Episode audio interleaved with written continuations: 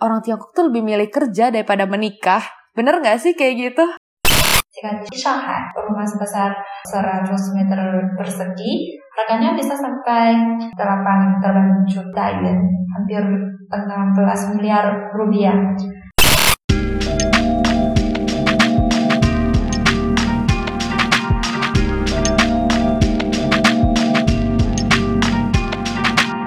Halo Sobat Permit Beijing, kembali lagi di podcast Baper Beijing. Kali ini aku, Talia, yang akan menjadi host pada hari ini. Eits, jangan di skip ya, kali ini topik dan bintang tamunya bakal seru banget dan menarik banget karena bintang tamu kali ini kita datangkan langsung dari negeri Tiongkok untuk menjawab berbagai pertanyaan kalian nih Sobat Baper Beijing. Nah langsung aja kita kenalan dulu nih sama narasumber kita yang keren banget. Dia adalah orang Tiongkok asli, berkewarga negara Tiongkok yang bisa berbahasa Indonesia. Keren banget kan? Langsung aja kita kenalan. Halo Aninita, ni hao. Halo, uh, halo everybody, halo para pemirsa. Uh, nama saya Gong Wenjun, bisa dipanggil Anindita atau Ani aja. Saya mahasiswa jurusan Bahasa Indonesia di Beijing uh, Beijing Foreign Studies University atau BFSU. Wah keren banget kamu belajar bahasa Indonesia. Kamu bisa perkenalkan diri kamu dulu nih dan jelasin gimana caranya kamu bisa tertarik dengan bahasa Indonesia dan bahkan sempat berkuliah di Indonesia ya? Saya uh, sempat belajar di uh, UNY uh, nama aku Wawan dan bisa dipanggil Anita dan uh, alasan alasan tentang uh, belajar bahasa Indonesia itu uh, waktu baru lulus dari SMA saya perlu memilih universitas dan jurusan berdasarkan hasil ujian masuk universitas atau kakao. Uh, saya bisa memilih bahasa Yunani, bahasa Arab, bahasa Hungaria, dan bahasa Indonesia. Keluarga saya pikir bahwa Indonesia terletak di benua Asia. Nanti kalau perlu bekerja di luar negeri, Indonesia masih dekat dengan Tiongkok. Setelah belajar bahasa Indonesia, saya memang tertarik pada Indonesia, baik keindahan pemandangan maupun kebudayaannya, misalnya musik tradisional. Oh, keren banget. Aku terharu sih sebagai orang Indonesia, kamu mau belajar bahasa Indonesia. Padahal di Tiongkok sendiri banyak banget orang yang nggak tahu Indonesia. Mereka cuma tahu Bali gitu kan. Tapi kamu masih mau belajar sama budaya kita gitu. Jadi makanya orang Indonesia, soal baper Beijing, jangan malu ya sama budaya kita sendiri. Orang luar aja mau belajar budaya dan bahasa kita, kenapa kita harus malu gitu kan. Nah, Ninita, pertama-tama aku pengen nanya nih sebagai orang Tiongkok, uh, apa sih yang kamu paling cintai tentang negara kamu? Kalau aku sebagai orang Indonesia, aku tuh bangga banget karena Indonesia terkenal dengan kekayaan alam dan orangnya tuh ramah banget gitu. Kalau kamu sebagai orang Tiongkok gimana? Uh, kalau saya, uh, uh, pertama uh, uh, saya memperkenalkan tentang hal-hal tentang Tiongkok. Tiongkok. Hmm, Tiongkok itu terletak di bagian timur benua Asia yang luasnya 9 juta 600 ribu kilometer persegi itu sangat luas kan uh, kan dan karena Tiongkok luas banget jadi pemandangan alamnya juga bermacam-macam uh, ada di bagian barat kami dapat naik unta di padang pasir dan kalau ke Tibet provinsi Tibet di mana rata-rata 4000 meter di atas permukaan laut dapat menikmati keindahan per, uh, pergunungan bersalju dan cantik-cantik. Di bagian udara, kawanan-kawanan sapi dan kambing berlari di padang rumput. Di bagian selatan, ada gunung dan gua yang bersifat topografi khas. Kecuali itu, daerah pesisir, pesisir juga sangat nyaman uh, di Tiongkok berada 23 provinsi, uh, 5 daerah otonomi, 2 daerah istimewa, Hong Kong dan Macau. Uh, kecuali suku Han masih ada 55 suku yang lain. Tiap suku memiliki hari raya sendiri. Masyarakat di daerah otonomi memiliki liburan sendiri untuk merayakan hari raya suku mereka. Dan Tiongkok cukup panjang, terangnya lebih dari 5.000 tahun. Mincer Konghucu lahir pada tahun 551 sebelum Masehi. Tempat raksasa dibangun, dibangun mulai dari dinasti Qing tahun 2021 sebelum Masehi. Kota terlarang sebagai tempat di mana Emperor, Emperor dinasti Ming dan Qing berhidup. Sekarang kota terlarang sudah menjadi musim terpopuler di Tiongkok yang kaya akan sejarah. Kalau bagi saya, saya sangat suka makanan di Tiongkok. Karena di Tiongkok ada delapan jenis masakan yang digolongkan dengan cara masak. Misalnya, uh, di kampung halamanku, kota Changsha, provinsi Hunan, uh, makanan di sana disebut xiangcai dan cirinya adalah pedas banget. Hmm, kalau berkunjung ke kampung halamanku, haruslah mencicipi tahu bau, undang kara air tawar, dan teh susu yang khas. Kecuali masakan Shanghai, saya juga sangat suka masakan di provinsi Sichuan dan provinsi Guangdong. Di provinsi Sichuan, masakan-masakan di sana disebut sebagai Chuancai. Masakan di sana kan ditambah bumbu-bumbu khas tempat. Sedangkan masakan di provinsi Guangdong yang disebut Yuecai kurang uh, itu kurang suka tambah bumbu-bumbu apa pun. Orang Guangdong lebih suka rasa semula bahkan masaknya.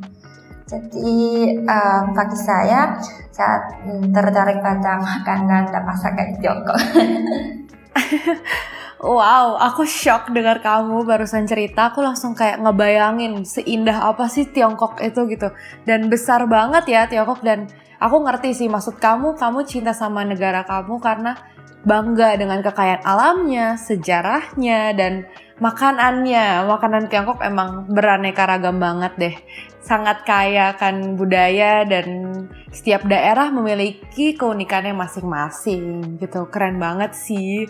Aku langsung oh, kaget banget. Aku langsung kayak belajar sejarah di sini gitu. Nah emang cinta tanah air itu wajib banget dan wajar banget kalau kamu cinta negara kamu ya. Tapi boleh dong cerita sedikit kenapa kamu tertarik dengan Indonesia nih? Karena di Tiongkok sendiri banyak orang yang nggak tahu kan tentang Indonesia gitu kan kamu pernah nih berkuliah di Indonesia gitu. Mungkin apa aja sih yang kamu paling suka tentang Indonesia? Menurut kamu orang-orangnya gimana? Gitu. Yang paling membedakan orang Indonesia dan Tiongkok itu apa sih menurut kamu gitu? Uh, kalau pakai orang Tiongkok waktu menyatakan Indonesia hal yang akan muncul dalam tayangan adalah Pulau Bali. Waktu saya pertama kali mendengar Indonesia, saya akan cepat pikir tentang keindahan pemandangan di Indonesia Lalu uh, saya pergi belajar bahasa um, bahasa Indonesia di Jogja dan memang sudah mengalami hal-hal lebih banyak daripada dulu sehingga saya bisa melihat Indonesia secara lebih menyeluruh. menyeluruh. um, saya belajar bahasa Indonesia di UNY dari bulan Agustus tahun 2019 sampai bulan Mei tahun 2020 uh, saya per pernah pilih kuliah bersama mahasiswa semester 1 dan 2 di UNY. Waktu berkuliah di UNY, saya juga pernah berpartisipasi pada UKM bulu tangkis. Walaupun saya kurang pandai main bulu tangkis, uh, saya memang sudah menempuh waktu yang selam bersama teman-teman. Biasanya setiap hari, uh, setiap hari Senin dan hari Kamis saya akan pergi ke gym, di mana ada seorang instruktur yang bisa membantu saya. Pada bulan Februari tahun 2020, saya beruntunglah bisa menyaksikan pernikahan instruktur saya. Tapi pada pernikahannya bahasa yang dipakai adalah bahasa Jawa. Jadi aku kurang mengerti dan kecuali belajar di UNY uh, juga banyak tempat yang sudah saya kunjungi misalnya Jakarta, Bandung, Semarang, Pulau Lombok dan Pulau Bali di Jogja di Prambanan dan Borobudur mengesankan banget juga dan menurut saya orang Indonesia sangat pandai menikmati kehidupannya tahu bagaimana mewarnai kehidupan supaya lebih bersenang dan berbahagia pada hari kedua, waktu saya pertama di Pulau Lombok, saya per perlu naik perahu ke Pink Beach. Sebelum berangkat di sekitar saya ada banyak perahu-perahu kecil yang dipakai untuk menangkap ikan. Perahu-perahu itu semuanya diberi nama dan bentuknya juga berbeda-beda. Ada yang dibuat pakai ikan hiu sangat saya melihat pandangan itu, saya pikir orang Indonesia memang sangat mencintai kehidupannya sehingga tiap rincingan pun bisa mencerminkan rasa positif dan rasa bahagia terhadap terhadap kehidupan kehidupannya. Kecuali itu hmm, orang Indonesia juga baik hati dan bersifat toleransi. Hmm, pada hari pertama saya belajar di UNY, ketika saya makan siang bersama teman-teman sekelas, mereka bilang mereka bisa mengerti bahwa saya orang yang tidak beragama. Hmm, karena saya pernah ditanyakan persoalan ini beberapa kali di Indonesia. Semuanya, uh, oh semula, semulanya, semulanya saya ingin menjawab bahwa saya beragama Buddha karena nenek saya beragama Buddha dan mungkin lebih baik saya menjawab saya orang beragama di Indonesia. Hmm, tapi orang hmm, per, perlu jujur kan? Um, akhirnya saya masih menjawab saya orang yang tidak beragama. Hmm, tapi temanku semuanya bilang ah mereka bisa mengerti dan tentang perbedaan orang Indonesia dan orang Tiongkok. Saya pikir um, ritme ritme kehidupan orang Indonesia lebih lambat daripada orang Tiongkok. Misalnya ketika saya belajar di UNY tiap hari tiap, tiap hari kuliah mulai dari jam 7 pagi, 7 pagi sampai jam 3 sore. Kalau teman Indonesia eh, Indonesia saya akan um, sampai jam 5 sore. Sedangkan di Tiongkok kuliah di kampus bisa sampai jam 9 malam. Dan kalau perbedaan yang lain, hmm, saya pikir itu lebih bergantung pada karakter masing-masing. Wow, aku gak nyangka ada orang yang memperhatikan detail tentang negara aku separah itu. Kayak kamu sampai lihat perahu nama-nama perahu kamu bisa menyimpulkan kalau Indonesia uh, toleransi dan cinta sama tanah air ya gitu ya. Dan aku kayak wow kaget banget. Dan thank you loh terima kasih banget kamu bisa bilang kayak gitu tentang negara kita. Kita semua pasti sahabat baper Beijing di rumah pasti bangga banget orang luar bisa ngomong hal seperti itu gitu kan terus kamu bilang orangnya ramah-ramah ah makasih banget makasih banget. Kita senang dibilang kayak gitu. Terus kamu juga ramah banget loh. Seru ya tinggal di Indonesia makanya orang-orang yang mau kuliah di Indonesia silahkan datang. Dan tapi kuliah di Tokyo juga seru kok seru banget di sana orang-orangnya sudah baik banget. Tapi yang aku aku ingat satu tadi yang kamu bilang tentang masalah agama. Agama itu emang bener-bener uh, sangat tidak bisa terlalu dibahas ya di Indonesia maupun di Tiongkok gitu kan. Mungkin kita nggak usah bahas itu, kita bahas jam belajar. Nanti bakal kita bahas di pertanyaan selanjutnya. Ini penting banget, kamu bilang di Indonesia lebih lambat tuh kerja kerjanya. Aku ngerasa sih, di China emang cepet banget, di Tiongkok tuh cepet banget. Oke, okay, kita nih biar nggak banyak basa-basi nih Nandita, kita langsung mulai masuk nih ke inti pembicaraan kita. Jadi banyak banget dari kita masyarakat internasional ataupun masyarakat Indonesia yang sering salah paham dan banyak asumsi yang kurang tepat tentang Tiongkok, terlebih karena perkembangan teknologi yang menyebabkan mudahnya berita hoax atau berita yang kurang tepat tersebar nih. Daripada makin terjerumus sama pemikiran yang salah, aku mau tanya nih ke kamu aja biar jelas. Dan aku juga bakal ngasih sedikit perspektif sebagai mahasiswa internasional yang berkuliah di sana. Nah, saat kamu berada di Indonesia, Uh, kamu pernah dengar gak sih asumsi apa yang kurang tepat tentang negara kamu gitu? Pasti ada orang Indonesia yang kalau ngeliat orang internasional berkuliah sana pasti di, diliatin atau diomongin gitu. Atau kamu punya teman yang bilang kamu berbeda dengan apa yang dipikirannya gitu. Mungkin kamu bisa jelasin? Uh, sebenarnya hmm, tidak ada banyak berita hoax atau asumsi yang kurang tepat terhadap Tiongkok. Hmm, karena teman-teman Indonesia saya hanya pernah bertanya kondisi suku Wikur kepada saya hmm, itu hmm, persoalan politik politik hmm, dan kecuali itu tidak ada soal yang lain mereka tanyakan ke saya. Oh gitu ya. Oke berarti emang teman-teman kamu berarti lingkungan kamu lebih ter uh, lebih terbuka lah pikirannya. Apalagi kan kenal kamu kan jadi bisa lebih tahu lebih dalam tentang Tiongkok. Tapi banyak nih sobat baper Beijing yang nggak tahu dan orang-orang internasional lainnya di luar Indonesia pun nggak tahu tentang Tiongkok. Aku mulai baca-bacain aja nih uh, jawaban-jawaban atau pertanyaan-pertanyaan dari IG Story Permit Beijing uh, eh, Q&A orang-orang nih gitu kan Nah, yang pertama itu banyak banget orang-orang yang beranggapan Tiongkok tuh masih sangat tradisional. Kayak yang digambar di film-film gitu loh, bangunan-bangunan klasik. Semua orang tuh bisa kungfu dan pakai baju-baju yang tradisional banget gitu. kayak di film-film banget dan banyak banget orang-orang Eropa, teman-teman aku juga bilang kayak di Cina lo ngapain kuliah di Cina? Kan di sana masih pakai baju-baju klasik kayak gitu. Emang lo bisa gitu gitu kan? Terus aku jawab enggak lah nggak kayak gitu. Nah nah aku mau tanya ke kamu nih. Kenapa sih uh, Tiongkok masih sering dianggap seperti itu. Menurut kamu gimana? Dan uh, apakah benar masih banyak emang daerah beberapa daerah-daerah kecil yang uh, memiliki tempat tempat-tempat seperti itu dan orang-orangnya masih berpatokan dengan budaya yang seperti itu gitu. Kalau Tiongkok, Tiongkok sekarang sekarang juga perlu berusaha untuk menjaga kelestarian budaya karena kebudayaan Tiongkok tidak hanya bangunan klasik dan kungfu. Misalnya di kampung halaman saya ada satu jenis opera uh, yang namanya Changsha Tanci, tapi jarang ada pemuda yang ingin belajarnya karena hanya orang Asia suka menonton itu. Pemuda sudah tidak banyak sukanya. Akan tetapi jenis opera itu memang mengantuk budaya dan sejarah setempat. Dan setahu saya seiring dengan perkembangan kota, banyak bangunan di kota bersifat modern aja, tidak memiliki ciri khas sendiri. Sehingga waktu kamu kunjungi beberapa kota di Tiongkok, kamu akan mendapat bahwa kota-kota itu sangat mirip. Dan film-film yang sering ditonton orang luar negeri itu penuh dengan kungfu dan bangunan klasik itu hmm, kebanyakan menceritakan kondisi Tiongkok apa yang lalu atau zaman kuno. Hmm, dan mm, namun sedangkan namun sekarang Tiongkok sudah berubah banyak dan lebih modern. Iya, aku juga kaget banget sih ke Tiongkok terus sih, wow, modern banget, udah kayak nggak di Asia nih gitu kan. Tapi apakah pemerintah se uh, emang sengaja gitu memperlihatkan sisi tradisionalnya Tiongkok ke dalam masyarakat internasional gitu?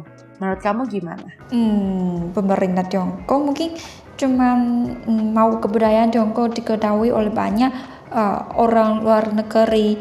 Hmm, kalau kebudayaan tradisional itu memiliki ciri khas Tiongkok kan, jadi lebih mudah dijadikan sebagai simbol Tiongkok sehingga waktu orang luar negeri menceritakan Tiongkok mereka akan cepat-cepat ingat atau pikir tentang kungfu dan um dan yang yang udah jadi kartu pos Tiongkok. Tapi di Tiongkok bukan hanya itu aja, masih ada banyak hal yang lain. Dan kebudayaan Tiongkok masih mengandung banyak pihak yang bisa dipelajari atau dinikmati. Oh bener banget sih, keren keren keren. Emang bener sih tujuan pemerintah Tiongkok itu bagus banget bisa memkenalkan budayanya ke masyarakat internasional. Dan biar masyarakat lokalnya sendiri pun bangga gitu ya terhadap budayanya gitu untuk menjaga kelestarian budayanya. Nah, ngomong-ngomong tentang budaya, banyak orang di dunia yang selalu berusaha menjaga nama baiknya nih. Ya kan? Tidak terkecuali masyarakat Tiongkok selalu berusaha menjaga nama baiknya. Sehingga saat menjamu tamu, mereka akan selalu berusaha memuaskan tamunya dengan memesan makanan yang sangat banyak sehingga sering kali banyak makanan sisa nih gimana tuh kan dan selalu berusaha menraktir makanan sehingga ada anggapan bahwa orang Tiongkok tuh nggak suka ditraktir dan emang mereka suka pesan makanan tuh banyak banget gitu loh padahal budaya di Indonesia itu beda banget. Kita tuh nggak boleh sampai membuang makanan. Momen cuy pun yang nanti show gitu kan. Terus apakah statement ini benar gitu? Apakah orang Tiongkok tuh emang gak suka traktir, suka buang-buang makanan? Dan apakah ini masih berlaku di Tiongkok? Dan mengapa gitu? Dan mengapa ada budaya seperti ini gitu? Um, itu tidak benar setidaknya sebagai pemerintah Tiongkok. Waktu saya makan di luar bersama teman-teman, kami akan sama-sama membayar bagian biayanya. Uh, dan jika terakhir, pastilah orang itu pernah atau akan membantu diri atau dia pernah menakdir. Orang Tiongkok jika mendapatkan keuntungan dari orang lain biasanya akan mencari kesempatan untuk membalas baik hatinya. Kalau tidak begitu, mereka akan merasa eh bahwa hmm, mereka berhutang kepada orang itu. Um, tapi hal ini tidak berarti orang Tiongkok suka traktir. Traktir itu kan akan memakan banyak waktu dan uang. Dan kalau dulu memang suka apa uh, besar banyak banyak, uh, banyak makanan sehingga tidak bisa habis semua.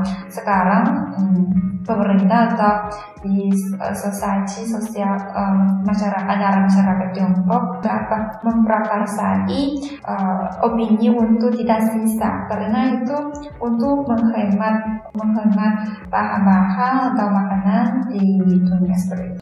Ah iya benar benar benar. Utang ya. Jadi kayak kita tuh nggak boleh sampai meminjam sesuatu ke orang lain lah ibaratnya seperti itu kan. Jadi kalau orang berbuat baik kita harus membalasnya. Sebenarnya itu berlaku sih di semua tempat. Cuman kesannya di Tiongkok itu sampai saking banyaknya orang yang berperilaku seperti itu sampai semua orang mengira semua orang Tiongkok itu nggak suka ditraktir padahal mah nggak seperti itu ya. Emang setiap orang memiliki karakter dan budaya yang berbeda-beda makanya teman-teman tuh nggak boleh langsung stereotype gitu ke satu orang yang melakukan seperti itu semua orang lakuin seperti itu padahal kan enggak ya. Dan kalau memesan banyak makanan sisa itu sekarang juga pemerintah sudah berusaha menekan agar masyarakat tidak melakukan hal seperti itu lagi gitu ya siapa yang gak suka ditraktir? gak ada. Pasti semua orang suka ditraktir, ya kan? Nah, aku lanjut aja nih dengan selanjutnya. Kemajuan negara Tiongkok itu tuh udah gak diragukan lagi kan sebagai negara dengan tingkat perekonomian terbesar. Nah, salah satu alasannya karena sifat masyarakat Tiongkok yang rajin dan pekerja kelas. Seperti yang tadi kamu udah bilang ya, masyarakat Tiongkok itu kerjanya dari pagi sampai malam kayak gitu. Mulai kuliah, sering tidak tidur, terus kerja sampai lembur terus gitu kan. Jadi tuh banyak banget asumsi yang bilang orang Tiongkok tuh lebih milih kerja daripada menikah. Bener gak sih kayak gitu? Um, hal ini benar karena jika men, jika menikah berarti anak akan dilahirkan membesarkan anak itu kan sekarang butuh banyak uang waktu dari kecil anak perlu perlu mengikuti kuliah piano matematika bahasa Inggris pak kuliah ski atau yang lain. Supaya tidak dikalahkan anak yang lain anak yang lain. Di kota-kota memiliki di kota-kota memiliki rumah yang dekat sekolah yang bagus itu juga sangat penting. Dan demikian barulah dapat memasuki sekolah yang bagus itu. Sebaliknya, hal itu juga berarti rumah yang dekat dengan sekolah mahal, sekolah itu mahal banget jika di, Shang, di Shanghai, kota Shanghai, rumah sebesar uh, 100 meter persegi, harganya bisa sampai um, delapan delapan juta juta yen hampir 16 miliar rupiah. Wow. Jadi mahal banget dan khususnya bagi perempuan menikah dan dilahir dan melahirkan anak akan mendatangkan penurunan kecepatan promosi meskipun kemampuannya mungkin sama dengan laki-laki yang lain. Jadi perempuan sekarang hmm, tidak begitu mau menikah dan melahirkan anak di Tiongkok sekarang. Oh, kayak gitu ya. Jadi emang karena tekanan hidup yang berat aja sih. Jadi orang-orang di sana lebih memilih untuk bekerja daripada menikah. Karena kalau menikah tanggung jawabnya tuh sangat besar banget gitu ya. Iya. Yeah. Kalau kamu gimana nih? kalau saya, um, saya sudah berpacar dan um, kalau saya lebih uh, bercenderung untuk menikah pada tahun pada oh waktu saya berumur 26 uh, dan kalau kalau melahirkan anak uh, sebaiknya setelah setelah berumur 30 tahun ya. Wow, sudah di udah disiapkan ya waktu-waktunya. Emang keren banget sih orang Tiongkok ini. Semua sudah tersusun, terjadwal. Makanya kita sobat Bapak Beijing orang Indonesia harus belajar dari mereka. enggak. Oh, mungkin hanya hanya saya sendiri seperti itu. enggak, enggak, maksudnya kita tuh harus terjadwal gitu loh hidupnya. Kita harus tahu tujuan hidup kita ke mana, arahnya kayak gimana gitu kan. Tapi kamu pekerja keras banget sih. Aku lihat tuh orang-orang Tiongkok itu tuh kerja SMA itu ker dari pagi sampai malam. Baru saya baru saya sekolah. Kuliah dari pagi sampai jam 8 terus malam-malam bisa di perpustakaan. Iya. Terus kalau orang Indonesia tuh beda banget. Kita jam 7 masuk jam 5 udah pulang. Habis itu udah nongkrong ya kan? Banyak yang kayak gitu gitu. Tapi nggak nggak sedikit juga yang rajin belajar kayak gitu Cuman kalau orang Tiongkok tuh 90% menurut aku semuanya rajin belajar sih. Termasuk kamu lihat bahasa Indonesia kamu bagus banget ya kan? Bagus banget bahasa Indonesia-nya. sambil ngomong berbahasa nih, cara berkomunikasi di setiap negara tuh berbeda sama kayak aku ke kamu itu cara ngomong kita berbeda. Mungkin dari podcast ini kelihatan kan ada beberapa yang miss-miss dikit gitu kan. Nah, seperti Indonesia, setiap daerah memiliki cara berbicara yang berbeda nih. Di Tiongkok juga pasti seperti itu. Sehingga banyak orang yang beranggapan kalau di Tiongkok itu tuh orang-orang Tiongkok tuh galak semuanya. Padahal kan enggak, emang cara berbicara aja yang berbeda kan. Nah, tapi di sana itu banyak orang yang anggap uh, orang di Tiongkok tuh galak karena suaranya kenceng. Bagaimana menurut kamu? Apakah emang itu tegas atau emang tertib atau emang udah didikan dari kecil atau seperti apa? Um, hal itu tergantung pada daerahnya. Memang uh, tiap tempat mempunyai lokasi sendiri. Di bagian selatan suara masyarakat lebih lembut dan saya pikir itu mungkin karena cara um, um, cara cara mempunyai bahasa Mandarin berbeda dengan bahasa yang lain. Tapi mungkin menurut menurut menurut orang yang itu tidak tidak uh, begitu kencang. Tapi kalau didengar orang yang lain mungkin itu kencang. Tapi memang orang-orang di bagian udara uh, suaranya mungkin lebih ada menurut menurutku lebih kencang daripada orang di selatan. Karena bisa bisa uh, bayangkan bahwa orang-orang yang tinggal di bagian utara mereka uh, sangat uh, cuaca cuaca cuaca di bagian udara sangat dingin. Dan orang-orang itu uh, berjarak berjarak hmm, apa berjarak besar atau berjarak jauh. Jadi mungkin suaranya mungkin perlu lebih kencang supaya orang di jauh bisa mendengar suara bisa mendengar suaranya. Oke, okay, jadi emang kayak pengaruh geografis aja ya. Jadi setiap daerah tuh memiliki ciri khas. Di Indonesia bagian timur di daerah Papua itu uh, mereka juga memiliki cara berbicara yang lebih kencang.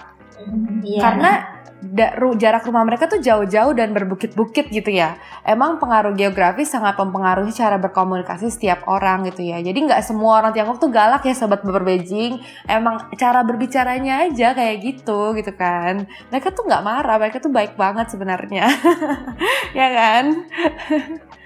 emang cara berbicara orang tuh berbeda-beda dan kita nggak boleh langsung stereotipin satu orang berbicara seperti itu semua orang tuh seperti itu padahal itu pengaruh geografis juga dan kebiasaan ya. Kayak gitu. Dan karena di bahasa Mandarin sendiri itu tuh ada nada-nada tertentu kan di setiap kata-katanya. Jadi mungkin orang lain tuh jadi dengarnya kok kencang banget kok galak banget kok nadanya naik kok nadanya turun. Seperti itu ya nggak sih kita udah lumayan belajar banyak banget nih dengan budaya di dari empat pertanyaan aja tuh wow banyak banget insight yang aku dapat dari budaya-budaya di Tiongkok. Dan kamu jawabnya juga bagus banget dan kamu ceritain detailnya dari sejarahnya semuanya gitu kan. Kalau kita bahas terus apa besok nih kan podcastnya kan. Nah aku mau lanjut ke pertanyaan-pertanyaan akhir aja nih gitu kan. Nah setiap negara pasti berbeda-beda dan kita harus saling menghormati kan Nah, kira-kira buat sobat baper Beijing, hal apa aja sih yang harus dihindari saat pergi ke Tiongkok ataupun bersekolah di sana? Kira-kira kalau kita ke sana kita tuh nggak boleh melakukan apa sih kayak buang makanan atau kayak uh, buang ludah di jalan atau kayak gimana? Kita tuh nggak boleh ngapain gitu. Uh, kalau biasanya tidak bisa bilang empat. Uh, dalam bahasa Mandarin empat itu se. Yang kurang suka nomor empat waktu hari raya pernikahan atau hal-hal yang bagus yang lain seperti itu. Karena dalam dalam bahasa Mandarin bunyi empat se. Sama dengan uh, sama kata uh, kata frase arti yang artinya lengkap jadi tidak bisa bilang tempat di jangka waktu uh, hal-hal yang besar terjadi atau apa. Lalu uh, ke tamu makan bersama uh, tidak bisa makan sebelum uh, uh, sebelum tamu itu mulai makan. Artinya haruslah menunggu tamu makan dulu baru bisa makan karena itu untuk uh, menyatakan kehormatan kepada uh, tamu. Benar benar benar. Aku setuju sih sama yang nggak boleh makan dulu sebelum tamu makan. Kayak di orang Indonesia juga ada yang seperti itu ya. Di Indonesia juga ada mirip-mirip lah budaya menghormati, saling menghormati, mendulukan yang lebih tua seperti itu sih. Selain itu ada lagi nggak sih apa aja sih yang kita nggak boleh lakuin saat di Tiongkok gitu, saat belajar atau saat berjalan-jalan di sana. Ada lagi nggak ya kira-kira gitu?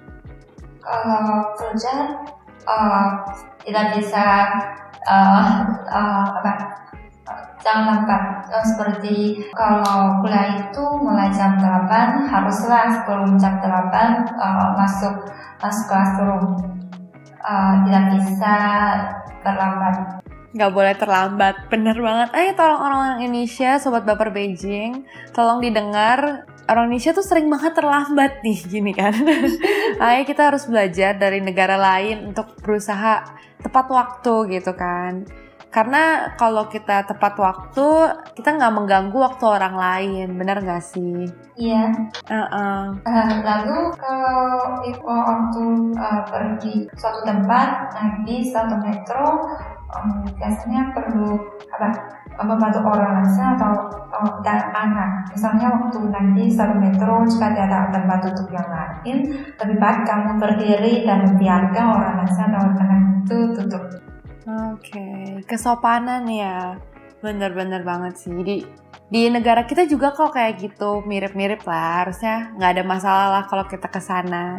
Yang penting sebenarnya menurut aku ya, setiap kita mau berkunjung ke negara lain atau bersekolah di negara lain, kita harus lebih banyak uh, searching gitu dan belajar budaya mereka agar kita tidak seperti orang bodoh gitu saat berjalan di sana dan tidak melanggar apa pun gitu dan tidak mencari masalah lah gitu kan.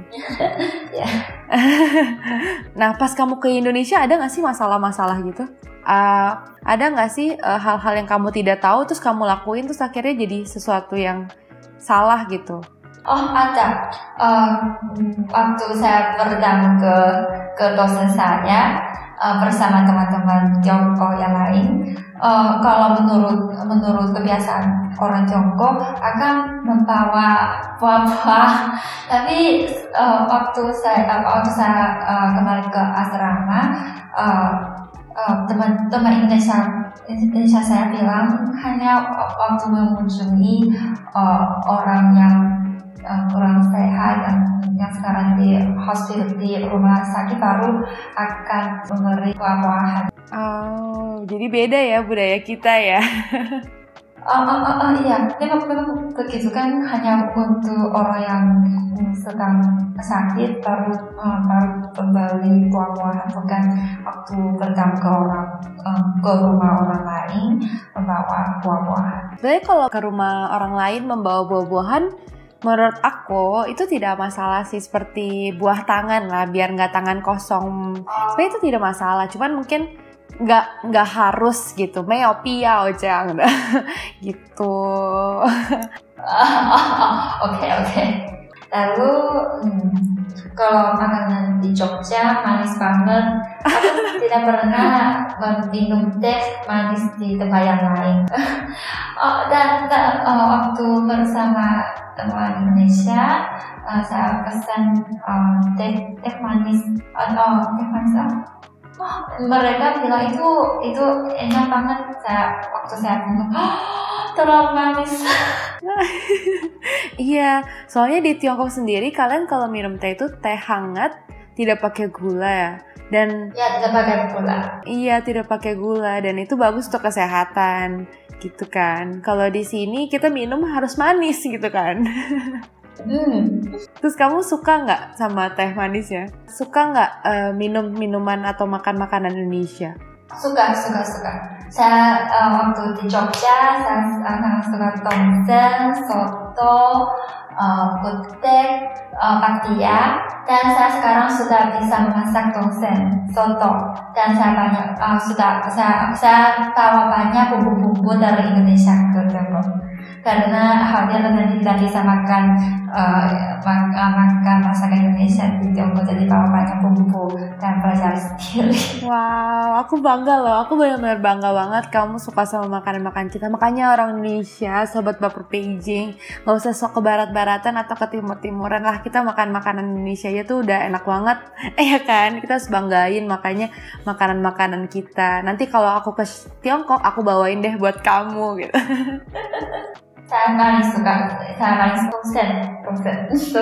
enak banget Tongseng, Tongseng. Wow.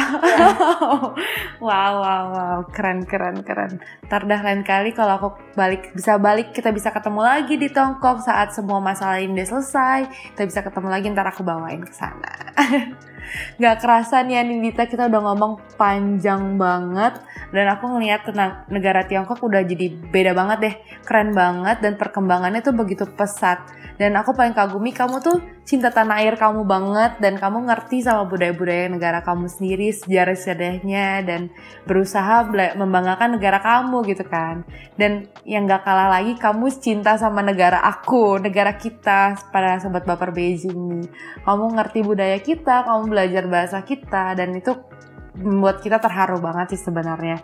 Dan ngobrol kamu sama ini aku senang banget dan kamu bisa jadi narasumber kita pada hari ini ngebuat podcast Baper Beijing lebih menarik lagi, makin menarik lagi dan Shishi nilai tau woman the poker Nindita. Kamu mungkin ada sepatah dua patah kata untuk sobat-sobat baper Beijing uh, uh, tentang negara Tiongkok kayak gitu? 我用 CSS 来看它。嗯嗯，希望大家能喜欢北京，然后喜欢能在，就希望能呃来中国看看。然后该呃。啊，希望大家平安。接下，大家可以在马上我们中午中一点钟过，呃。Baik untuk berdamaian berdamaian atau belajar asing. Wow, thank you. Kita pasti bakal berusaha ke sana dan aku nyari kamu ya nanti kalau ke Beijing. Yeah. kalau udah ke Beijing semuanya langsung cari Anindita aja kalau ke Beijing pokoknya. Nah, sampai seginian dulu uh, podcast kita hari ini. Thank you Anindita uh, atas waktunya dan sobat baper Beijing. Terima kasih sudah dengerin kita dari awal hingga sekarang. Semoga dapat pelajaran yang bermanfaat untuk hari ini. Dan see you in the next podcast. Salam permit Beijing. Bye-bye.